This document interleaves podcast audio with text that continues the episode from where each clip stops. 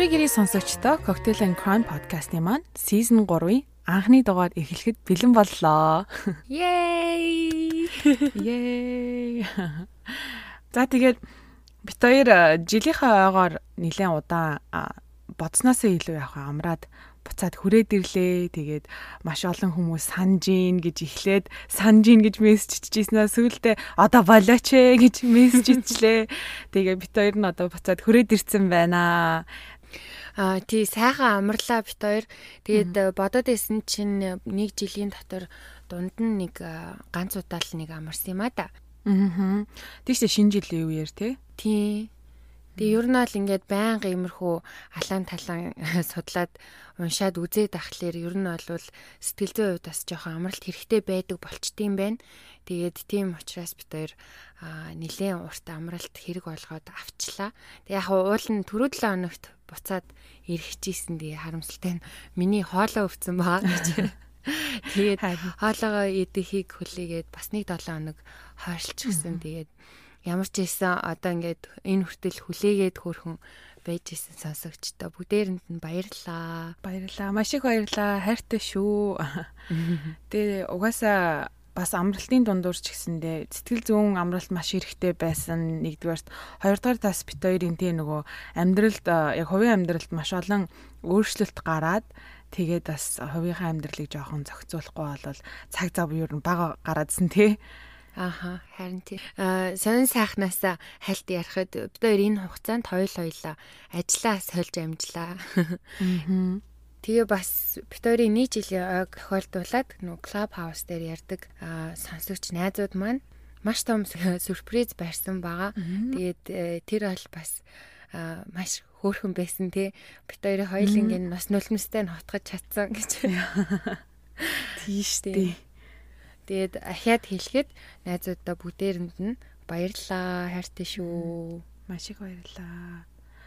Бид хоёрыг бас ингээ яг жилийн болоод нэг амир тэмдэглэн мэмдэглэн гэж бодоагүй байсан чинь амар том мэдгүй ерөөсөө тийм амар том сюрприз ерөөсөө сүүлийн үед ерөөс мэдрээгүй болохоор бүр бүр нэг одоо сэтгэлээ бүр илэрхийлж чадхааргүй амар их баярлсан дээ хоёлоо. Уйлахаас өөр юу ч хийж чадаагүй тий. Хоёлоо тэрвэлтэй л үлээсэн.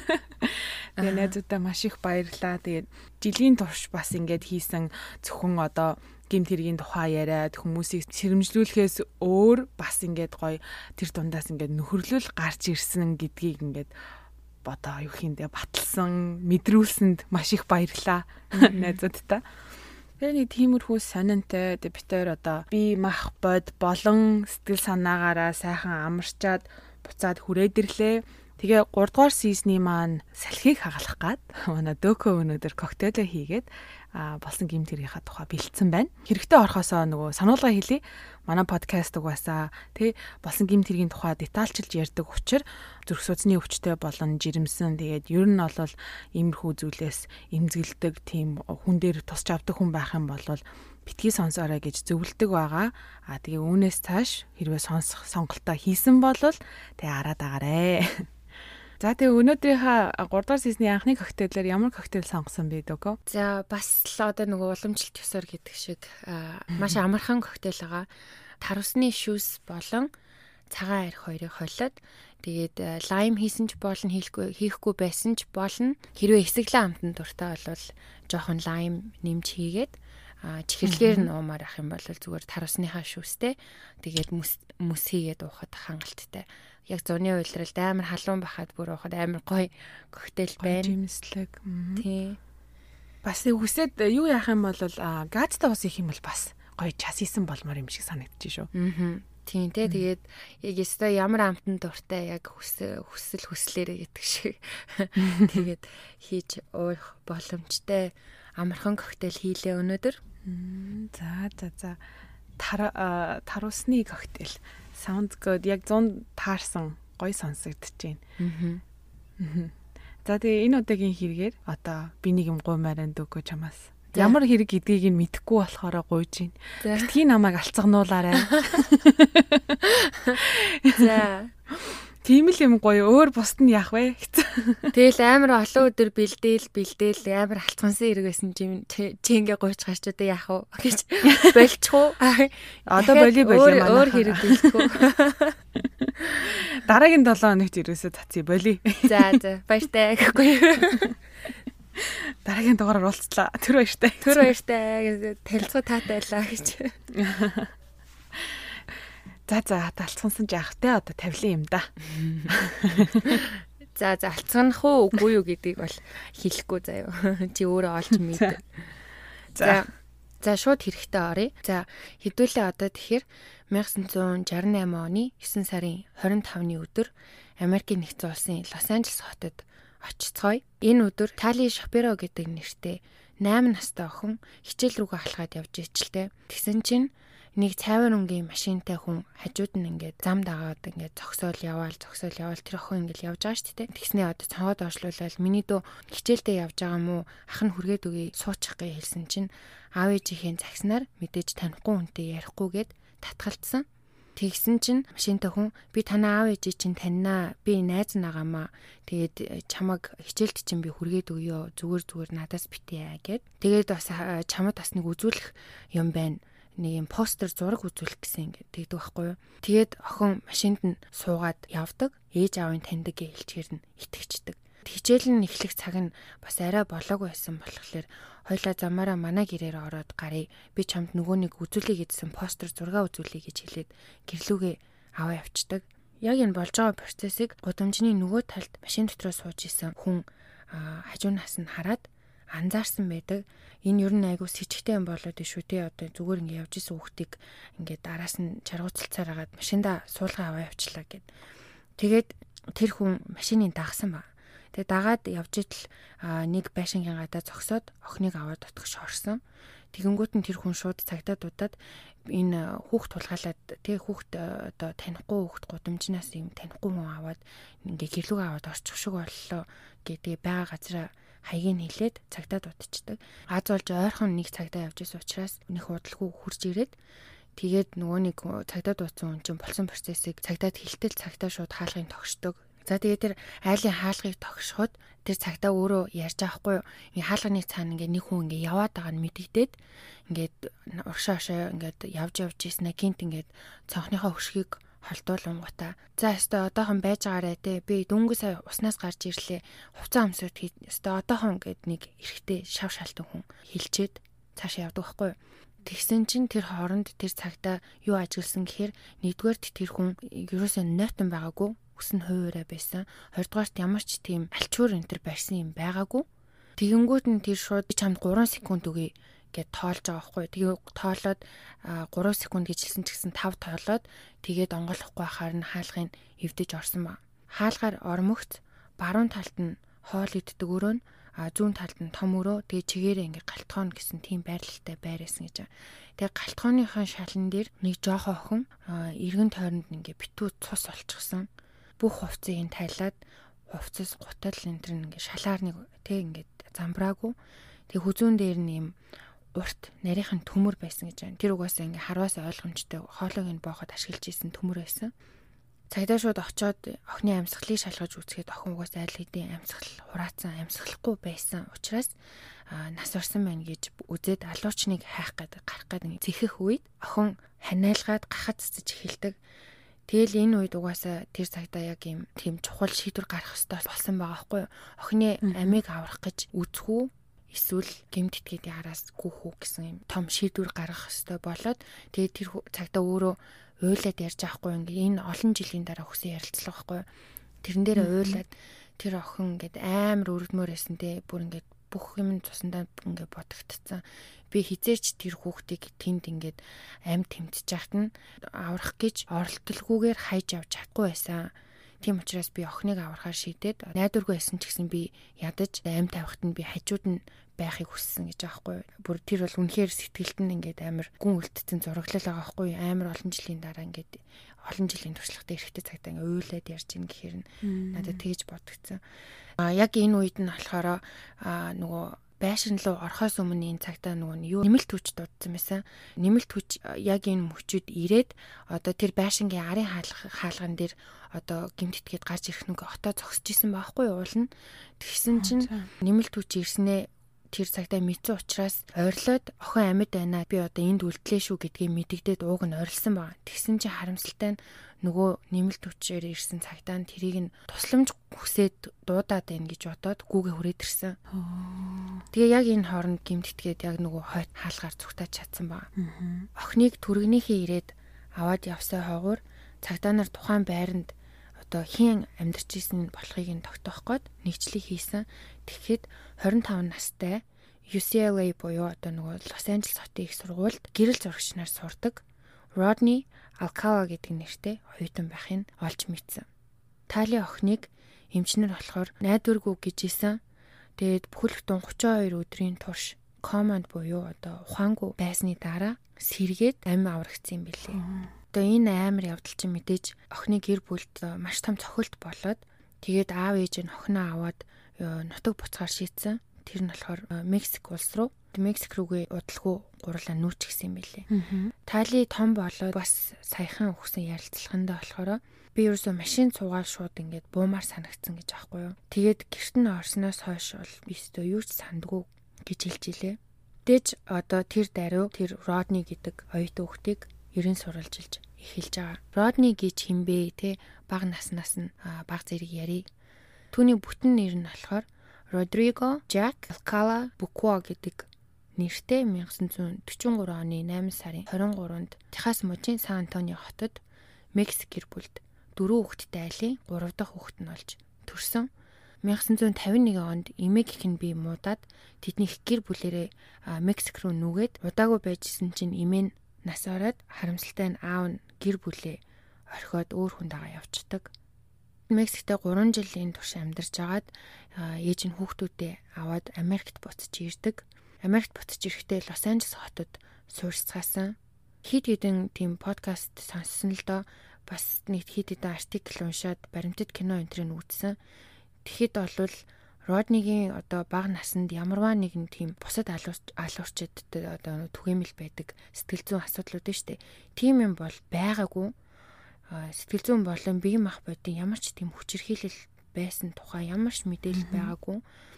Ээж нь ингээд чад хатгаараа хүүхдүүд айгу сайн сургуульд явуулаад хүүхдүүдээ маш сайн хайрладаг. Родни ч гэсэн өөрөө энгийн тэг ангийнхан дундаа хүндлэгдсэн хамт олон сайтай сайн нэртэй ухаантай гэж дүгнэгддэг тийм жирийн л тийм хүүхэд байсан байгаа. 1961 онд 18 настай Родни цэрэгт яваад ер нь цэрэгт очиод асуудлууд баг багаар гарч ирсэн юм бэлээ л дээ.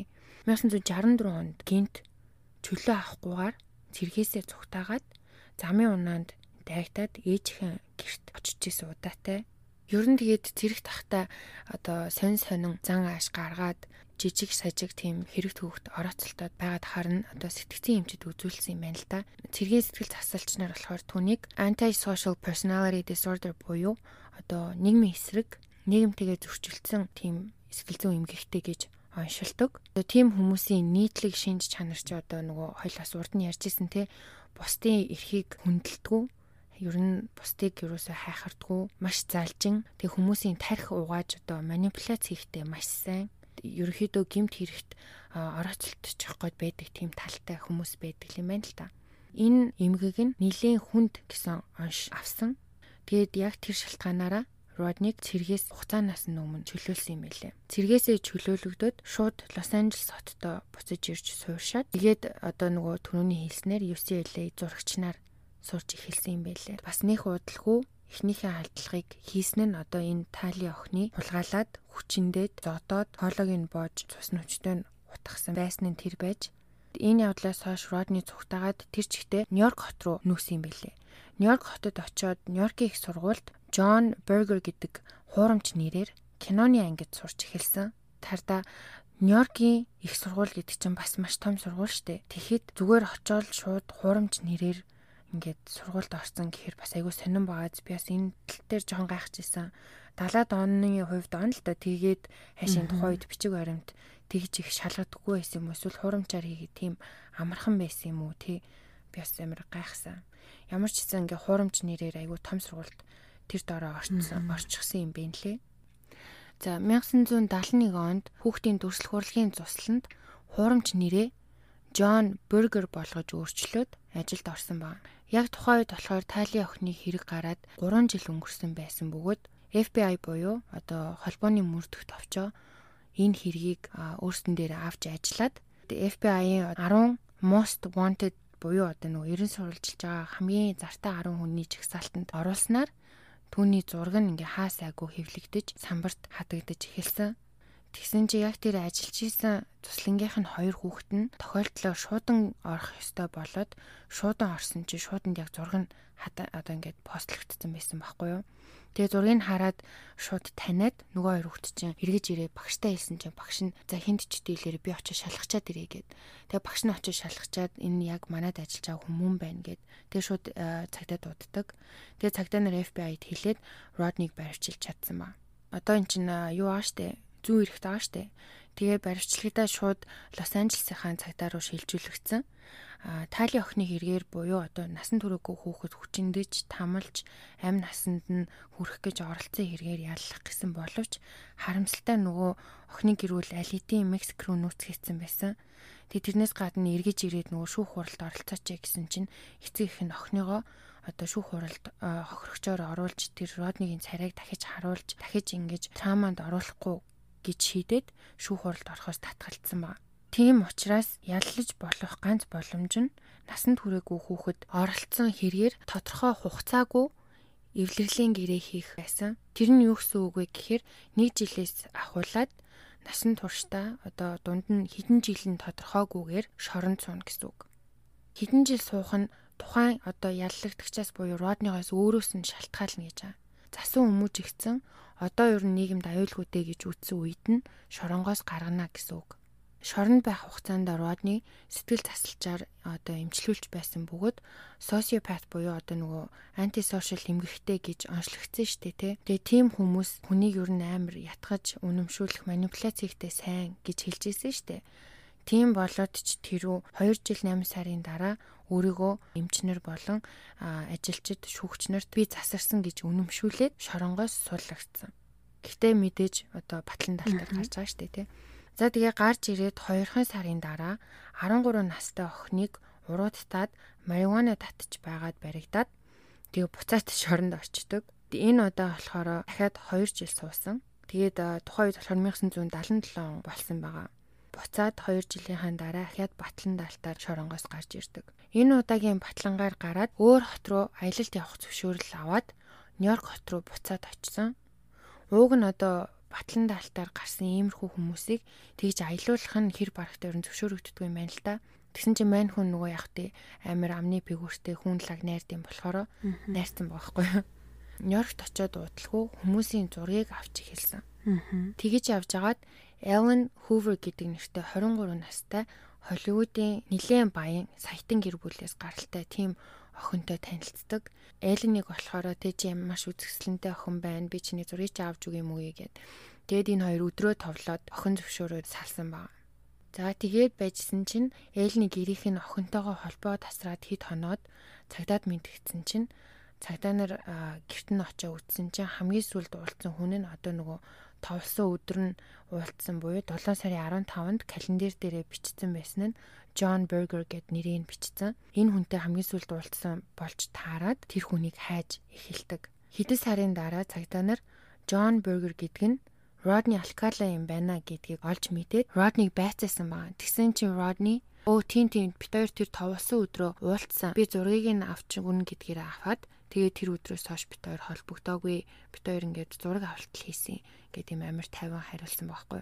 Тэгээ тухайн үед Родниг яг тэр хэрэгт холбоотой гих одоо ямар ч тийм бит нотлох баримт байхгүй юу ч байгаагүй болохоор угаасаа тэгээд орхигдсон. Дараа жил нь буюу 1978 онд Родни нэг телевизийн шоу нэвтрүүлэгт орсон нь одоо одоогийн түүний хочин болж үлдсэн. Одоо нөгөө Ричард Рамиресийн чинь хочин Night Stalker гэдэг ч юм уу те ер нь ингээд энэ цуврал алуурчиж айгу очтой штэ. Тэгэхээр энэ Роднигийн одоо хочин болохоор болзооны шоуны алуурчин гэдэг хочтой байхгүй юу. За тэгээд тэр нь юун шоу вэ гэсэн чинь одоо хүртэл ер нь л орон болгонд л байдаг да Монголд хүртэл хийгддэг штэ. Нэг хүн ингээд өөр бусдыгаа харахгүйгээр ханны наан цанаас асуулт асууж агаад болцдог. Тэгээд дараачийн удаа болцох хүнээ сонгодог доо. Тийм телевизийн шоу нэвтрүүлэгт ороод тэгээд тэрэнд нь болохоор Cheryl гэдэг нэртэй эмэгтэй гурван залуугаас сонгох байсныхаа нэг нь Rodney байгаад тэгээд э, дахиад хоёр өөр залуу байсан байхгүй юу. Тэр нэвтрүүлэг дээр тухайн хүүхэн Rodney-г болзот залуугаар сонгож таардаг дууг нь нэвтрүүлэг дуусаад одоо эн чин маргааш нь ч юм уу хизэн чи энэ хоёр болцоонд яваад тэгээ тэр тухайгаа нэвтрүүлгийн багийнханд хэлэх ёстой байд юм байна л та. Тэгсэн боловч маргааш нь продюсер лүгээ нөгөө эмхтэй чинь залгаад уучлаарай би энэ хүнтэй үнэхээр болцоонд явах юм одоо хүсэлгүй байна. Энэ хүнтэй заавал болцох ёстой юу? Болцоонд явахгүй гэж болох уу? Надаа ингээд амар эвгүй санагдаад байна. Энэ хүн айгүй сонин хүн байна гэж хэлж залгадгийн. Тэгээ продюсер нь мэдээж өө тий болохгүй байхдаа эн чинь чиний сонголт те би чиний бид нар чиний сонголтыг хүндэлнэ гэд Тэгээд тэр хүүхэн болзоонд яваагүй. Тэгээд энэ хүүхэн баг энэ болзоонд яваагүйгээрээ амиа аварсан бах магадaltaй. Энэ хугацаанд Родни ээжтэйгээ амьдардаг байснаас гадна янз бүрийн хүмүүсийн одоо хөгшин залуу эрэгтэй эмэгтэй хүмүүсийн нүцгэн зургийг аваад Нью-Йорк руу насан туршидтын сэтгүүлд явуулж тэрүүгээрээ одоо мөнгө олдог байсан. 1979 оны 6 сарын 20-нд Робин Самсо гэдэг 12 настай охин найзынхаасаа балетийнхаа сургууль руу яваад Орос руугаа алга болсон. Харамсалтай нь 12 оны дараа цогцсон болсон. Робины найз нь болохоор цагдаа нарт мэдүүлэг өгөхдөө тэр өдөр бит хоёр далайн эрэг дээр хахад нэг сонин хүн ирээд зургийг аваад өгье гэд дагаад байсан. Тэгээ Робин зөвшөөрөх гээд тахаар нь би татаад болиулаад тэр хүнийг хөөгөөд явуулсан. Тэр хүнээс айгаад би Робныг балетныхаа хичээлд явахт нь дугуугаа өгч явуулаад ерөөсөө чи замдаа ерөөсөө битгий зогсоорой гэж хэлээд би бүр захиад явуулсан гэж аахгүй анхааруулад тэгээ харамсалтай нь охин балетынхаа хичээлд очиж чадаагүй. Тэр найз нь цагдаахийн аман зураг гаргахад нь тусалдаг. Тухайн үед Роднигийн одоо одоо нөгөөх чинь стил батлан даалтанд байгаа штэ тий. Тийм болохоор нөгөө аман зургийг хараад Родниг болохыг түүнийг хариуцдаг цагтаа таниад гэрээс нь очиж баривчилсан баг. Тэгээ нөгөө ээжтэйгээ амьдарч исэн гэсэн шүү дээ. Ээжийнх нь гэрийн нэгчгэд Роднигийн өрөөнөөс нэг маш хэрэгтэй юм олцсон. Тэр нь болохоор агуулгах түрээсийн газрын баримт олцсон. Тэр нь тэгээд бас тэр Калифорниад ч биш, бүр Нью-Йоркт ч биш, бүр хаасан Вашингтон мужийн Сиэтл хотод байдаг тийм агуулгах болж таарсан. Тэр агуулгахнаас нь юу гарсан гэхээр зөндөө олон эмэгнүүд болон мянган мянган гэрэл зургууд олцсон. Тэр эмэгнүүд дунд нь Робин охины эмэг байхыг нь ар гэрийнхэн нь таньдаг. 1979 оны 7 сард Родни баривчлагдаад дараа жил нь Робин охины хэрэгээр шүүх хурал нь болж буруутай гэдэг нь нотлогдоод цаазаар авах ял авдаг. Тэгсэн чинь заяа давж заалдаад Калифорнигийн дээд шүүх өмнөх шүүх хуралд оролцсон шийдвэр гаргасан иргэдийн төлөөлөгчид Роднигийн одоо өмнөх гэмт хэргийн талаар буруу мэдээлэл өгөөд Тэгээд тэдний одоо шийдвэр гаргалтанд нөлөөлсөн гэж үзсэн учраас энэ шийдвэрийг нь няцаачдаг. Тэгээд дахиад шүүх хурал 1986 онд хоёр дахь шүүх хурал нь болж байгаа. За хоёр дахь шүүх хурал болсон чинь ахиал буруутай гэж үзээд ахиал цаазаар ял өгсөн. За ингээд эцэст нь шоронд татчихагаад одоо цаазлуулах нь гэж бодож байтал 2001 онд түүний цаазын ял нь ахиад няцаагдсан. Хоёр дахь Энэ удаа яасан бэ гэсэн чинь Роднигийн өмгөөлөгч нь шүүх хурлын үед хангалттай өмгөөлж чадаагүй гэж үтсэн байна. Тэгээд одоо энэ үед гэхээр 2001 он болчихж байгаа. ДНК-гийн шинжлэх ухаан сайжирсан байсан бөгөөд Роднигийн хэрэг дээр одоо шинээр арай залуухан цагтаа томилогдоод ажиллаж исэн үе. Родниг өмнө нь хит хитэн хэрэгт ууг нь сэжгэлж исэн байхгүй юу? Тэг бүр ингээд юу мэдүүлэх хүртэл авч исэн. Гисэдэж одоо ерөөсөө ямар ч нотлох баримтгүй байсан учраас ерөөсөө холбогдож чадаагүй хэрэгүүд хит хит байсан байхгүй юу? Тэгсэн чинь одоо энэ шинээр томилогдсон цагта нөгөө нэг охины эмэг олоход байсан бусад эмэг зүйлтнүүд нь штэ. Тэднийг ДНХ-гийн шинжилгээнд явуулаад тэгсэн чинь эцдүүд нь бүгдээрээ заяа 70-аад оны үед нэг бол ор сургуу алга болчихсон нэг бол ясн юм уу цогцсон олцсон эмэгтэйчүүд их болж таарсан. Бүр яс тогтоогдсон болохоор дөрвөн хүн байдаг. Эхнийх нь болохоор Charlotte Lamb гэж хүүхэн, хоёрдугаарх нь Jill Parenteau, гуравдугаарх нь Georgia Wicksted, дөрөвдүгээрх нь Jill Barcom гэдэг ийм дөрвөн эмэгтэй байгаа. Ингээд Родниг цоврал алуурчин болохыг таамаглаж исэн ч гэсэндээ одоо л ингээ бит натлах баримттай барьж авч байгаа хгүй юу. Тодорхой хохирогчтой ч болчихж байгаа. Тэгэд энэ удаагийн шүүх хурал дээр саяны дөрвөн хэргийг нэмээд нийтдээ 5 хүний хүн амын хэргээр орчоо. Тэгээ хамгийн сонирхолтой нь энэ удаа Родни нөгөө Тед Банди өөрийгөө өмгөөлж исэн шүү дээ тий. Тэрэн шиг адилхан энэ 3 дахь шүүх хурал дээр Родни өмгөөлөгчгүй өөрөө өөрийгөө өмгөөлж орсон. Тэгээ өөрөө өөрийгөө өмгөөлнө гэхээр манайхан бас мэдчих. Тэгээ өөрөө өөрөөсөө асуулт асуугаад тэрэндээ өөрөө хариулна. Гэрчүүдээс бас өөрөө асуулт тавиад ингээд явна гэсэн үг шүү дээ. Тэгэд энэ үйлдэл нь ер нь бол өөрийнх нь ямар тийм нарциссист те өөрийгөө бусдаас илүү ухаантай энэ төр гэж одоо боддогтой нь холбоотой тэрнээс нь үүдэлтэй байгаа хгүй. Угаасаа нарциссистик хүн байсан юм байлээ. Тэгэд энэ удаагийн хурлаар цагдаа нар шүүгч нар Родник одоо нэг зүгээр ч нэг юм алуурч юм биш ямар муухай садист тийм хэрцгий амтан гэдгийг нь нотлохын тулд яаж хохирогчдыг тамалж алсан тухай ингээ бүр амар дэлгэрэнгүй танилцуулдаг. Родни одоо хохирогчтой алхахтаа ихэнхдээ хүчтэй ямар зохиод ч юм уу эсвэл хоолойг нь боож ухаан алдуулчаад хүчиндээд тэгс хэрэгхээр нь дахиж ухаан алдуулаад хүчиндээд ингээд бүр ингээд өгтлэн зодоод цус нүчтэй нь хольж ингэж амар тамалж яргалж алдаг байсан байхгүй юу. Тэгээ тэр олгоныг баримт нотлохотой гаргаж ирээд хэргийн газрын одоо зургууттай бүгдийг нь үзүүлээд Тэгэд энэ удаагийн шүүхтэр бас нэг сонирхолтой гэх юм уу да болсон юм нь болохоор түүний хамгийн анхны хохирогч буюу одоо нөгөө 8 настайд нь алхаа шахсан таалигээ тохим шүү дээ. Тэр хүн одоо том болчихсон шүүх хурлын танхимд нь байсан. Эцэст нь шүүхийн шийдвэрээр бүх хэрэгт буруутай гэж үзээд ахиад цаазаар авах ял сонссон. 2019 онд Калифорни мууж цаазын ял сонссон хүмүүсээ бүгдийнх нь хугацааг нь хойшлуулсан гинэ. Тэгэхээр Родни бараг цаазаар ахуулж өгөх биш шорондоо байж байгаад ингээд байгалийн жамаараа өгөхөр болсон байгаа. Тэгээ болоогүй заяо. Цаазын ял аваад ингээд насаараа шоронд суучлаа штэ. Тэгэхэд байж хахад 2012 онд Нью-Йоркт байхдаа Яван гэдэг нөгөө нэг баяа айлын охин алга болсон штэ. Тэр Родни бас мэдүүлэг авч исэн. Тэр тэгээ дээрээс нэг онгоцны үйлчлэгч Корнела гэдэг нэртэй бүсгүй хоёрын үхэлд эд мөрийн баримтууд нь олдоод буруутгагдаад шүүх хуралд нь оруулахаар Нью-Йорк руу шилжүүлдэг. Тэгээ энэ хоёрын хэрэгт болохоор одны эхлээд би буруугүй би мэдхгүй гэж гүрийжсэн бол удалгүй хэрэгээ үлээгээд буруутайгаа хүлээн зөвшөөрсөн. Нью-Йоркд болохоор нөгөө цаазаар авдаггүй болохоор одоо байгаа тэр цаазын ялан дээр нэмэлтээр 25 жилээс насаар нь хорих ял өгсөн. Цаазын ял 3 дахь сонссноос нь хойш одоо нөгөө хамгийн сүүлийн шүүх хурлаа штэ. Тэрнээс нь хойш цагдаа нар Роднид байсан нөгөө зургнуудаас 120 ширхгийг нь олон нийтэд дийлгээд зураг дээр хүмүүс дунд ямар нэгэн байдлаар Родни хохироож байсан уу гэд илгээд тэгсэн чинь дор хаяж заяо 6 гэр бүл гэр бүлийнхээ гишүүний зургийг таниад амар олон жилийн өмнө ор сургуу алга болсон тухай мэдэгддэг. 2013 онд Кристин гихч 1982 онд тухайд 28 настай байхдаа хүнд алуулаад цогцон олдчихсэн тийм хүүхний гэр бүл нь одоо тэр зурган дундаас Кристины хоёр зургийг олоод олж хараад тэгээд одоо Родни алсан болох нь баг ингээд тодорхой болсон юм байлээ.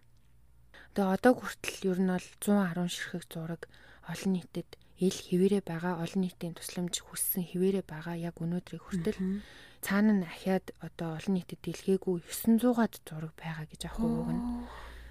Тэгтээ тэрийг дэлгэх боломжгүй яа тэгэхээр тэд нар нь бүгдээрээ нүцгэн зургнууд учраас. Одоо тэгээд мэдгдсэн л 5 6 хүний үхэл болохоос биш цаана хичнээн олон хүн алуулсан юм итгэхгүй дээрэс нь хичнээн олон хүн хүчндүүлсэн гэсэн тийм эмгтээчүүд байгаа мэдэхгүй. Саяхныг болтол Калифорниад шоронд байжгаад одоо яг өнөөдрөөс 5 хоногийн өмнө буюу энэ оны 7 сарын 24-нд Родни шорондоо нас орсон юм билээ. Саяхан. Тийм 7 сарын 24-нд. Йоо энэ 70-аад онд бол зүгээр энэ цуврал алуурчдын зүгээр 90 үед 90 үеийн байсан байгаа. Тэгээд э, тухайн үеийн цагтаа нар ярьж байгаа хгүй энэ үед бол зүгээр эмхтэй хүмүүс зүгээр баруун солгоогүй алга болж исэн, баруун солгоогүй зөгцөлтж исэн. Тэгээд ингээд бүр ор сургуу алга болоод хизээч зөгцөн олдог хүмүүс бүр маш их байгаа. А нөгөөдөөгөр маш олон цогцос олцсон мөртлөөсөө хин гэдэг нь одоо хүртэл танигдаагүй зүгээр ингээд үнэхээр ингээд зүгээр л ясн үлдчихсэн тий ямар ч шүд мүд үлдээгүй тийм хүмүүс бас маш их байгаа. Тэг ингээ харамсалтай нь одоо ингээ мэдхгүй өнгөрөө одоо шинжлэх ухааны одоогийн байгаасаа бүр илүү мундаг болохоос нааш одоо хүртэл мэдхгүй ингээд хэдий тэний гарт өгсөн мэддэхгүй. Тэр цагтаа нэр ярьж байгаа хгүй юу? Яг энэ Родник Нью-Йоркод байхад нөгөө Son of Sam одоо аллага үлдчихсэн байгаа. Тэгэнгүүт Калифорниад Id одоо нөгөө Richard Ramirez байгасан байгаа. Тэгснээ Gacy Chicago, John Wayne Gacy Chicagoд үлдчихсэн байгаа. Энэ тэндгүү ингээ бүрстөө амар амар юм болчихсон байхгүй юу? Тэгээд одоо тэдний нэг нь энэ Rodney банд одоо мэдэгдэж байгаагаар түрүү хэлжсэн тий 5 6 байгаа боловч энэ зурган дээр байгаа хүмүүс хитэн яг энэ хүний гарт алдсан гэдэг нь үнэхээр тодорхойгүй. Аа. Тэгээ нэг юм хэрэг байна да дулмаа минь. Наа чи ямар аим ээ. Зургийг нь харсан чинь Richard Ramirez-тэй амар адилхан харагдаад тах юм. Аа. Нэг нь одоо шана мана нүд мүдэн жоохон төстэй юм шиг. Гэтэ Richard Ramirez илүү нэг хурц харцтай юм шиг санагдлаа. Ямар ээ Юу ойр тийм сонсоогүй байсан чи бас амар юу орч штт. Дон хидл орч ийн гэсэн. Сонссон чи. Тэгээд юу айгүй сонирл байд юм байна. Одоо би энэ хэрэгээ ярина гэ 5 хоногийн өмнө гэхэд би бол сонгоцсон байсан айлээ тий. Тэгээд нөгөө баг багаар материал цуглуулаа явж исэн. Тэгсэн чи хараа өнөөдөр нас орчлаа гэд яг тухайн нас ордог өдөр нь пост орсон байсан аахгүй би дээр бүр гайхаад юу вэ нэр нэр юм бах та гэд тэгсэн чинь яг үнэхээр нас орсон юм билээ. Тэгээд яг яаж гэдгийг нь бол нийт зарлаагүй лээ. Гэхдээ зүгээр яг байглаараа одоо цаг нь болоод гэх юм уу да нас орсон. Насны эцэг юм билээ. Ямар маань тий ямар нэгэн гадны нөлөөгүй гэр. Би харин сая чамаас яг асуух чийлээ 5 хоногийн өмнө нас орсон гэхээр нь би мэдэнээс харж чад өө энэ хүний тухай ярьдсан билүү гэж ботсон уу? Эсвэл сонгоцсон байсан уу гэж асуух чийлээ хариулчлаа. Тэр олон нийтэд тавьсан те 126-аас одоо цаана 110 үлдсэн гэсэн үү те? Одоо хин гэдэг нь мэддэхгүй эмгтээчүүдийн зураг байгаа гэсэн. Тэр дунд нь бас ингээд алга болсон гэр бүлийн гишүүн чаахаа мó тэрийг одоо мэдэхгүй одоо ор ор сорггүй гэж бодож байгаа хүмүүс одоо тэр гэр бүлийг батгаар бас маш харамсалтай юм а тий. Хичнээн ингээд болоод өнгөрчихсөн одоо хүний гарт орсон ч бай одоо юу ч болсон бай. А гэр бүлд нь тий ингээд одоо closure гэдэг нь штэ. Гэр бүлд нь одоо ямарваа нэгэн ингэцэн шүү тэгцэн шүү гэдэг хариулт өгчих юм бол бас сэтгэл нь багж гисэндээ одоо юу хийндэ тайвшрах байсан байх. Би сая ингэ бодож илаа ийм олон хүмүүсийн одоо тэ энэ Роднигийн халдлагад өрцсөн юм уу өртөөгүй мэддэхгүй. Родни өөрөө ингээд юу ч хийлээгүй нас орсон болохоор бас ийм цоврал алуурчдын хамгийн зөвгүй юм нь тэ хохирогч болсон бүх хүмүүсийнхаа гэр бүлд нь бүгдээрэнд нь ингэж хариулт өгч юусоо чаддгүй бүгдээрэнд нь. Аз болсон хідэн ингээд тань хэрэг нь илрээд мэдэгдээ танигдаа тий ингээ явна гэхээр бас бас ботхоор уур урмээр юм аа. Харин тий. Тэр харамсалтай. Тэгээ зургнуудыг харахаар ямар сайхан бүсгүүчүүд вэ тий. Аа. Тэгээд нөгөө тэр 900 зураг байгаа штэ одоо олон нийтний дэлгээгүй байгаа. Тэр дунд нь айгүй их тийм баг насны эрэгтэй хүүхдийн шалтан зургнууд байна гэсэн бас. Айгүй сонио. Тэгээд одоо энэ хохирогчтой бас ингээд алчаад цагдаагийнханд ингээд мессеж гэх юм уу үлдээдэг байсан байхгүй юу? Өөрийн гэсэн одоо тэмдэг тэмдэглэгээ гэх юм уу? Тэр нь юу гэхээр хохирогчтой одоо цогцыг нь пооз ахуулж гэх юм уу хэвтүүлдэг байсан. Тэр нь яах вэ гэхээр нэгнийх нь болохоор хоёр гарын ингээд нуруунд нь аваад тэгэхээр ингээд цээж нь төвийн штэ. Тэг ингээд цээжийг ингээд төвөйлгөөд одоо хөхийн төвөйлгөөд гэх юм уу те. Тэгэж үлдээсэн байсан чинь бас нэг хүүхнийг болохоор энэ нуруунд орон дэр ивээд тэгээ бас ингээ цээжийн төв илгөөд орхисон байсан. Гэх мэтчлийн поз ахуулж үлдээдэг байсан нь одоо энэ муухай нарциссист, энэ социопат, энэ бүх сэтгцийн энэ муухай юм ингээд харагдаж байгаа байхгүй юу? Тэр тухай дээр шүүхэд оролцож исэн сэтгэл зүйч дурдж илээ. Бас амар тийм гаж сонирхол мэдрэмжтэй тэгээд тэгж зураг үргийг нь авч одоо бодвол бас бэлгийн дур хүслээ хангадаг байсан юм билүү сонин поз гэсэн чинь хин санаанд орчлоо. Jeffrey Dahmer Jeffrey Dahmer ч бас нэг юм сонин сонин байрталтай зураг хүргийг нь аваад Polaroid аваад хадгалсан байсан тий. Тэгээ бас энэ цуврал алуурчид нөгөө алсан юмнаас таашаал одоо дараа нь харж таашаал авах гэж нөгөө юм цуглуулдаг гэдэг штэ тий. Одоо маш нийтлэг байдаг. Тэрэн шиг эмэг зүйлтнүүдийн цуглуулад хатгалсан байгаа байхгүй юу? Энэ хэргийн тухай нэг сонирхолтой юм нь болохоор урд нь ярьж исэн ихэнх одоо цовруул алуурчид ер нь бүгдээрээ гэр бүлийн хүчирхийлэл, бэлгийн хүчирхийлэл, ямарваа нэгэн хүчирхийлэл бага ахтаа үзчихсэн. Энэ болохоор нөгөө урд нь гэл ер нь бол байнга асууддээ штэ. Тэ энэ одоо алуурчин бүтээгдсэн үү эсвэл ингээд цаанаас төрсэн байсан уу гэд. Родни дээр харахаар болохоор гэр бүлийн хүчирхийлэл амссан тиймэрхүү юм ерөөсөө байхгүй гэсэн тий ямар ч мэдээлэл байхгүй. Тэгээ ингээд ботхоор цаанаасаа ингээд төрсэн юм шиг угаасаа цаана байсан. А бас тэгээд нэг сонирхол татсан юм нь болохоор нөгөө аав нь болохоор баг ахт нь орхио явцсан гэж тэгсэн штэ. Тэр тэр тэр үйл явдал бас өөрт нь амар хүнд цохилт болсон байж магадгүй. Гэхдээ урдны ярьж исэн, судалж исэн а цовруул алуурчтаас харахад хэрвээ одоо аав нь түүнийг ингэж амир а тэ одоо цохилтонд оруулж ингээд аавыг нь орхиж явсан юм нь тийм одоо хэцүү байсан болвол ер нь хохирогчноор ихэнх нь эрэгтэй хүн ч юм уу те одоо аавтай нь адилхан ч юм уу адилхан хувцалдаг адилхан үстэй эсвэл адилхан жоохон төстэй царайтай ч юм уу тиймэрхүү хүмүүсийг уг нь хохирогчоо болгомоор ин гэтэл эмгтэй хүн болохоор бас ингээд урдны ярьж исэн цовруул алуурчдын тухай мэдээлэл дээр ингээд харахад бас амар зөрчилдөөнтэй гэх юм уу дайраа өөр содон харагдчихээн энэ Родни. Аа. Одоо бас яг энэ гимт хэрэг судлаачид ингэж ярьж исэн мэдээж одоо бага насны тэр юунаас нь тэ яаж өссөн хүмүүжсэн тэр байдлаас нь ер нь маш их хариултууд авдсан шүү дээ. Тийм учраас бүр ингээд нэлээд ухсан байгаа хгүй яг яач юу гэд. Тэгэхээр ерөөсөө за эмээ нас орсон эмээ тэгээ нэлээд ойр байсан тэр одоо одоо хүнд цохилт болсон байлаа гэхэд эмээгээ нас орсны дараа тийм хүнээс гажууд ч юм уу нэг тийм тийм эрс өөрчлөгдсөн юм бол байхгүй. Яг л одоо нормал хүн шиг гашуудаал ингээд өнгөрсөн байна. Тэгэнгүүт яг саяны чиний хэлдгээр аав нь гэр бүлээ орхиж явсан болохоор одоо нөгөө орхигдсон тийм юутай болоод тэр нь бас одоо сэтгэл зүйн эмгэг болж болдог штэ. Одоо эцэг их нь хаяа авчихсан гут хүн болох нь тийм болох нь чаашин. Гэхдээ тийм одоо маш эмзэг тусдаг хүүхдүүд байдаг. Тэгээд тэгсэн юм уу тэр аавах нь явсан ингээд бүр ингээд маш хүн дээр туссан юм уу гэхээр бас үгүй байгаа байхгүй юу. Одоо тийм юу бол ерөөсөө илрээгүй. Тэгэхээр яг уу бусдаасаа ялгарах нэг ялгаа нь тий. Сэтгэл зүйн хувьд бол эрүүл сарвал сайхан өсчөөд юу тутсан гэж бас яаж юм бол тоо гэж. Тэгээ харангууд цаанаасаа төрсэн ийм юм одоо цаанаасаа чөтгөрлөг гэж. Цаанаасаа чөтгөрлөг. Цаанаасаа бурханлаг гэдэг шиг цаанаасаа чөтгөрлөг хүн байна. Харин.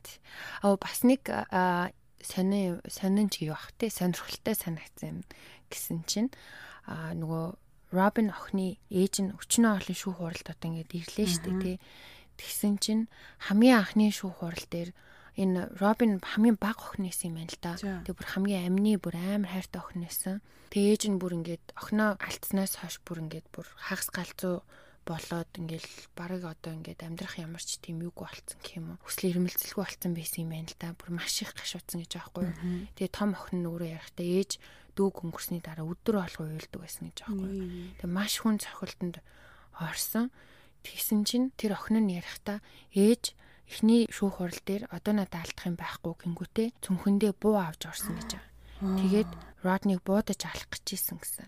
За Тэгээ тухайн үед чинь нөгөө нэг металл детектор энэ төр байхгүй шүүх хурал руу одоо шүүх хурлын танхимд тэгж юу аж шалгаж оруулдгүй байсан юм байна л да. Тэгсэн зүгээр бууга цүнхлээд аваад орсон.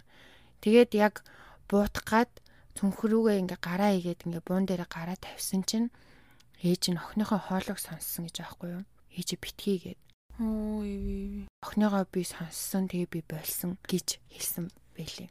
Айгу сонирн байгаа Өрөвдөлтэй. Ээж нь хөөрхийн минь энэ их одоо шүүх хурлыг даваад те хамгийн сүүлийн шүүх хурал дээр суцааран шингэн шахаж нөгөө нэг цаазаар авах хэрэгтэй байсан.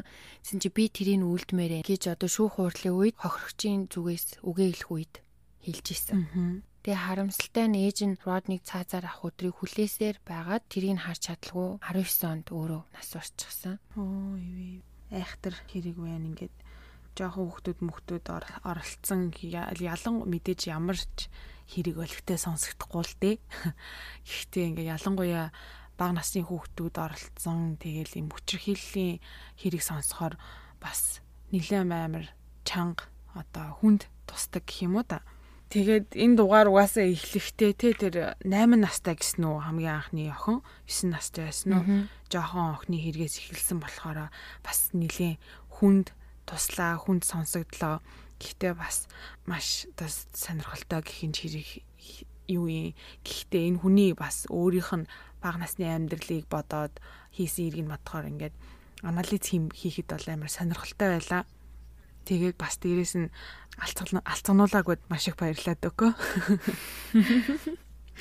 Зүгээрээ. За тэгээд 3 дугаар сизний анхны дугаараар бас маш сонирхолтой коктейл хийгээд маш бас сонирхолтой хэргийн тухай ярьж өгсөн дөөкөдөө маш их баярлаа. За тэгээд энэ дугаарыг дуустал нь сонссон хүмүүс хэн байдаг үлээ дөөкөө?